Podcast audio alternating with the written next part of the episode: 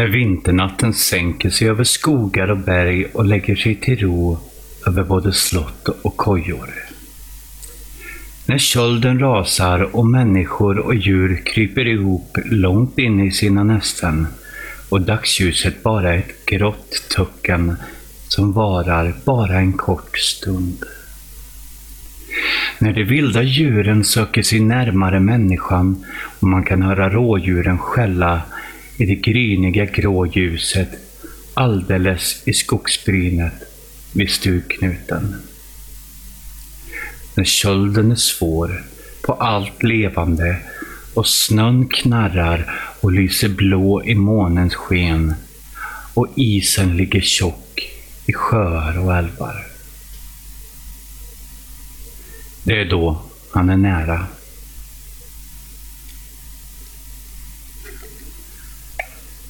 Stor som en slagbjörn på bakbenen och vit av rimfrost rör han sig tyst genom vinternattens allra djupaste mörker. Vig som en katt, slug som en räv och ögon som en hök, men i mänsklig gestalt smyger han sig fram genom verkligheten. Djuren stillnar när han går förbi skogen, tystnar och världen spelar död när han närmar sig utmarkerna. Självaste naturen känner hans vittring och håller andan. Och när han passerar vänder till och med den sig bort i avsky. I tusen och åter tusen år har han vandrat så väckande kyla och död. Så har han vandrat sedan innan allting blev. Alltid i rörelse, alltid på väg, på jakt och aldrig någonsin stannar han upp.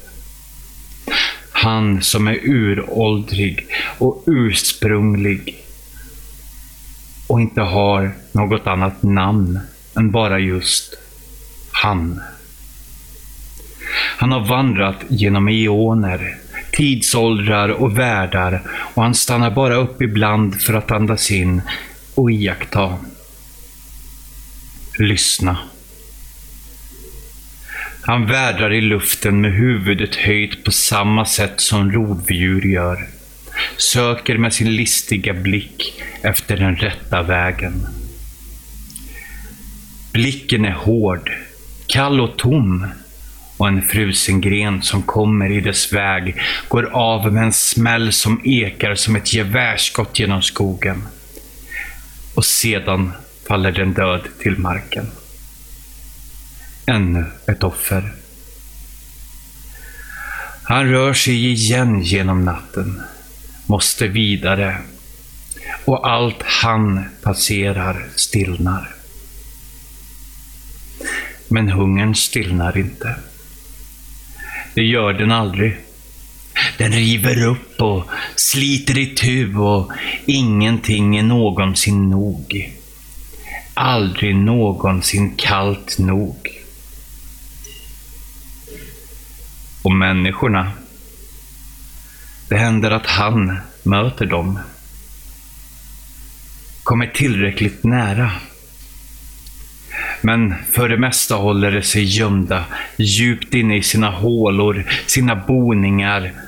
Och där har han svårt att nå dem. Det fanns en tid när det var annorlunda. Men nu måste han nöja sig med att stå utanför och titta in på dem. Locka på dem och hoppas. Treva med fingrarna i springor och vrår. Ibland räckte det. Vandra vidare. En ny boning. Kanske den här gången. Tyko. Tyko satt på en pinnstol vid den gamla vedspisen och tällde trägubbar precis som han alltid gjort om kvällarna. Det fanns ingen annan mening med det Mer än att det var roligt och ett bra tidsfördriv under långa kvällar med bara radion som sällskap. Nu var han gammal och det hade blivit ganska många gubbar genom åren. Han samlade dem i en hög uppe på vinden, ovillig som han var att skiljas från dem när det en gång var klara. Det bodde minnen i varenda en av dem. Och han satt ju ändå alltid där vid vedspisen och hörde elden knastra och spraka när den åt upp vedträ efter vedträ medan han kände hur värmen långsamt steg i den lilla stugans kök. Det luktade gott. Trä, ved, värme och kaffe. Raggsockorna kliade och stacks när värmen långsamt återvände till hans gamla fötter och Tyko grymtade missbelåten där han satt. Men ikväll var han inte ensam. Gammel-Nils satt vid köksbordet och trummade otåligt med fingertopparna mot den nötta, urblekta gamla vaxduken. Han var så otålig jämt han, Gammel-Nils, tänkte Tyko. Men han la ändå den halvfärdiga trägubben åt sidan och reste sig mödosamt från stolen med leder som skrek i protest.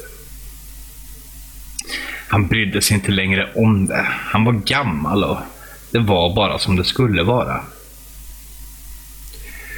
Sakta och försiktigt hällde han med lätt darrande hand kaffe i varsin udda och kantstött kopp. Struntade i faten och stulpade stelt och långsamt över golvet till köksbordet, nogsamt undvikande den gamla trasmattans kant. Han ville inte snubbla. Annat var det förr, sa gammel-Nils vänligt när han tog emot koppen. Jo, höll Tyko med och sjönk ner på stolen mitt emot. Tystnaden bredde ut sig igen, men det var ingen svår tystnad. Snarare vänskaplig och trivsam och precis som det skulle vara mellan dem. De hade varit vänner så länge att det mesta redan var sagt. Tyko såg ut genom fönstret med tankfull min, men möttes bara av mörker och återspeglingar ännu så länge. Men han visste. Det kändes i luften.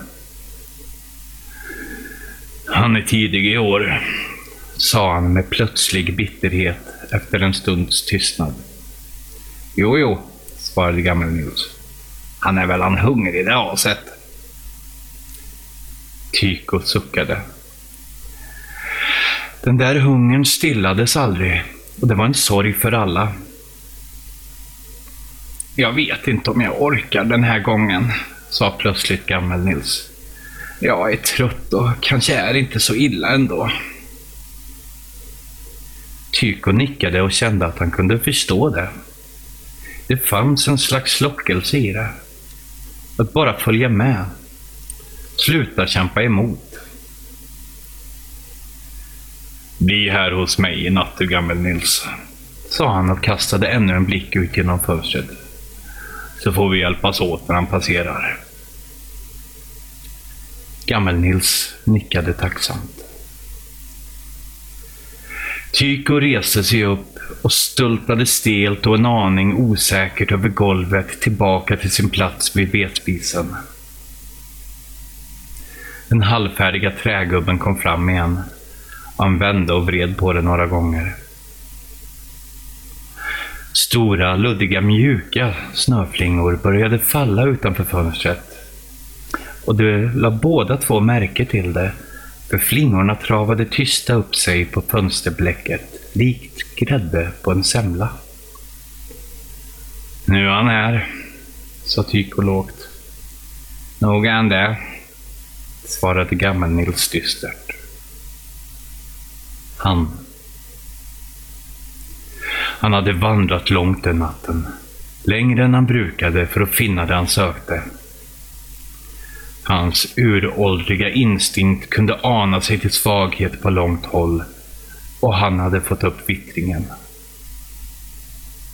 Han värdade i luften likt det vilddjur han skrämde till stillhet längs vägen. Följde spåret tills han visste vart han var på väg. Träden glesnade och mellan dem skymtade han äntligen sitt mål. Människor. Två stycken i en liten boning. Han smög sig närmare och vädrade misstänksamt i luften. Någon anade honom där inne. Försökte se om han var där. Han drog sig tillbaka och vaksamheten därinne avtog, men inte det sjukliga och svaga. Han blev stående där en stund, iakttog och bidade sin tid. Någon rörde sig därinne. Han lät sin vita styrka smyga före fram till boningen. Lät den närma sig försiktigt och kika in. Och han såg dem andas därinne. Han blev belåten med det han såg.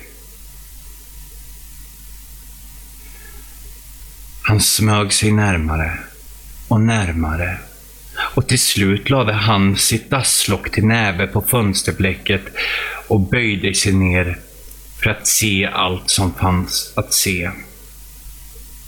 Och han såg. Svaga stackare. Sjukliga. Ingenting att ha. Egentligen ingenting alls. Men han tvekade inte. Han ville inte lämna dig i fred. Han andades in. Hans hårda blick kastade sig mot boningen om och om igen. Väggarna darrade av skräck. Fönstren knakade och knäppte och i varje otät liten springa tjöt boningen av förtvivlan och fasa. Boningen visste redan det som de svaga krakarna därinne ännu bara anade. Han andades ut och kölden la sig över taket som ett kvävande täcke. Omfamnade den ynkliga boningen och drog åt sig nätet runt bytet med starka, kalla armar. Kvävde och väntade ut. Det fanns tid. Tid att leka. Han var mycket belåten och medveten om sin styrka. Förr eller senare skulle det komma ut, komma honom till godo. Sedan urminnes tider, långt innan början, hade det räckt med att han fanns, såg och andades in för att vagga den till sömns. Det somnade in hypnotiserade till att förväxla honom med den bedrägliga värmen i hans omfattning. Själv kände han ingenting, själlös som han var. Han gjorde det som han var ämnad för och hade lärt sig att ta med sig själar när han kunde. På så sätt var han inte fullt ut ett levande väsen, men han var heller inte fullt ut bara en företeelse. Han svävade där på gränsen, däremellan, men han hade ett medvetande och det drev honom framåt och vidare i en evig cirkel utan slut. Tycho Tycho låg vaken och stirrade oroligt ut i mörkret utan att kunna se någonting alls. Skummögd som han blivit på gamla dagar. Han lyssnade till vindens ylande och kunde då och då höra tung blöt snö falla ner från taket med ett mjukt men distinkt dunsande. Han förstod utan att se. Det var snöstorm och det oroade honom tyngde honom. Han skrämde honom. Och Gammel-Nils oroade honom också. Tycho var själv inte stark längre och tvivlade på att han skulle kunna hjälpa sin vän. För han visste mycket väl vad det var som fanns där ute. Vem som väntade på dem.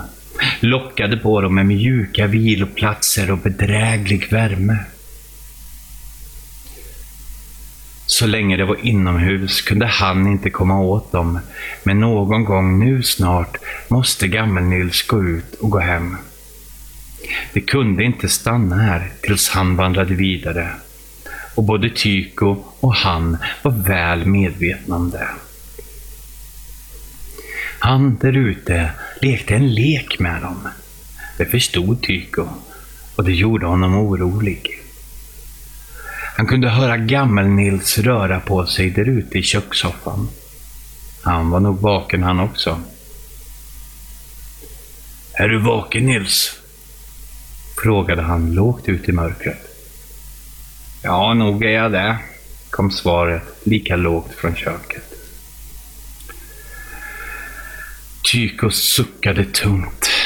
Det skulle bli en tidig morgon. Lång dags färd mot nästa natt. Han kravlade sig upp ur sängen och ställde ner de bara fötterna på golvet. Kylan fick verken att skrika till och leden att klaga högljutt. Jag måste få eld i spisen, tänkte han medan han mödosamt lirkade på sig kläderna och stack fötterna i sina tofflor. Klockan var bara halv fem när Tyko stapplade fram till vedspisen och fick eld i den samtidigt som han föste kaffepannan på plats. Gammel-Nils satt fullt påklädd vid köksbordet och tittade på när Tyko tände lampan oändligt långsamt eftersom hans fingrar ännu var stela av nattens vila. Till slut satt de där och drack kaffe i samma koppar som igår. Två gamla män som varit följeslagare nästan lika länge som någon kunde minnas. De hade följts åt genom livet, tagit hand om varandra när det behövdes, låtit varandra vara när det behövdes, tyckt om varandras sällskap. Vänner? Nej, bröder. Jag måste gå hem, sa Gammel-Nils och såg ner i botten på sin tomma kopp. Tyko nickade.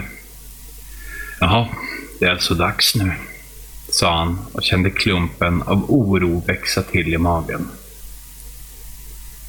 Gammel-Nils klappade honom på axeln och Tyko klappade honom på handen som blivit kvar ett ögonblick. Det tog farväl. Gammel-Nils. Gammel-Nils stängde dörren om värmen i tyk och stuga och gick ut i den fortfarande mörkgrå, gryniga morgonen och mötte blåsten och snön som en man. Precis som han gjort i alla tider. Han ville gå hem. Han behövde gå hem också, för hon var säkert orolig för honom där hemma. Hon väntade på honom med gröten, limpmackan och det varma kaffet, precis som så många gånger förr. Det visste han. Hon var en bra kvinna, hans hustru. Det var kallare än vad han hade föreställt sig och kölden bet redan hårt i kinder, fingrar och tår. Snålblåsten for rakt genom märg och ben redan efter några steg. Men han stretade vidare mot kylan, framåtböjd mot vinden, för det var inte långt att gå. Plötsligt skymtade han någonting i snöröken mellan tusentals virvlande flingor. Någonting en stor oformlig gestalt, stor som en slagbjörn, stod bredbent en bit längre fram och spärrade vägen för honom. Han var här nu. Gammel-Nils kände omedelbart igen honom, blev rädd och vände tvärtom och började springa med tunga klumpiga steg tillbaka mot tyk och stuga. Men han orkade inte hela vägen, blev trött och stannade mellan några höga gamla tallar för att hämta andan och låta sitt gamla hjärta lugna ner sig. Han frös nu, för kläderna hade blivit fuktiga av snö och kroppsvärme. Han kände hur trött han var. Om han bara kunde få vila lite. Gammel-Nils såg sig omkring och insåg plötsligt att han inte visste riktigt var han var någonstans. Han måste ha tagit fel väg medan han sprang. Och nu visste han inte. Men han blev inte rädd. Han var bara så fruktansvärt trött. Han tog några steg på måfå och sedan några till och så ytterligare några. Plötsligt tyckte han att han kände igen sig igen. Var det inte här någonstans som han och Tyko sköt den där råbocken? Han var nästan helt säker på det och nu visste han vilken väg som var den rätta. Nu marscherade han taktfast och rak i ryggen som en soldat och försökte tänka på allting annat för att slippa tänka på hur kallt det var. Till slut fick han äntligen, äntligen syn på sitt hus mellan träden och ökade takten med blicken stadigt riktad framåt, hemåt. Till stugvärmen och gröten och kaffet och hustruns värmande famn. Han var nästan framme när han i ögonvrån anade en rörelse mellan träden bakom husen. Gammel-Nils stannade tvärt och skärpte blicken. Han. Han lekte som en katt med sitt byte, men tröttnade fort och visade istället vägen. Lockade och lirkade. Andades in såg honom i ögonen och andades ut. Sedan var det redan över. Han la honom ifrån sig i en snödriva som ett tomt skal innan han vandrade vidare och tog med sig stormen. Stormen, hans enda sällskap. Han var färdig för den här gången. Redan uttråkad och ville vidare. Tillbaka kunde han komma en annan gång. Här skulle snart bli liv och rörelse och sådant tyckte han inte om. En i taget tyckte han om. En i taget. Han rörde sig tyst och mjukt genom landskapet, åter på väg i sitt eviga kretslopp. Och världen frös till is där han drog fram. Tycho. Det var Tyko som hittade Gammel-Nils. Varför måste det vara just jag som hittade honom, tänkte han där han stod på Gammel-Nils farstutrapp med mössan i hand och sorgset meddelade hans hustru. Gammel-Nils hade tagit av sig vantar, jacka och skjorta och låg leende i en snödriva bakom huset, bortom all räddning sedan länge. Folk sa att han frusit ihjäl, men Tyko visste bättre. Han visste att i vintern och snön och blåsten och kölden lever den varelse som styr över alltihop. Ett mäktigt och ursprungligt odjur. Det var inte så att odjuret kom fram till vintern. Hm, åh nej, det var mycket värre än så. Det var odjuret som var vintern. Tyko visste att där det fanns snö och köld, där hade han dragit fram och när det blev snöstorm var han allt för nära. Han visste det bortom allt tvivel för han hade själv en gång stått öga mot öga med den förskräckliga snömannen. Han hade själv sett honom, känt lockelsen, men stått emot och överlevt. Tycho var gammal nu och misstänkte att han inte längre hade tillräckligt med ork för att än en gång vinna en sådan strid. Så han höll sig inomhus. Det är den enda säkra platsen när han passerar. För han lämnar offer efter sig varje gång han har vägarna förbi. Ibland bara något enstaka, men ibland flera. Den här gången var det gammel-Nils tur. Men man kan aldrig vara säker, för han tar vem som helst.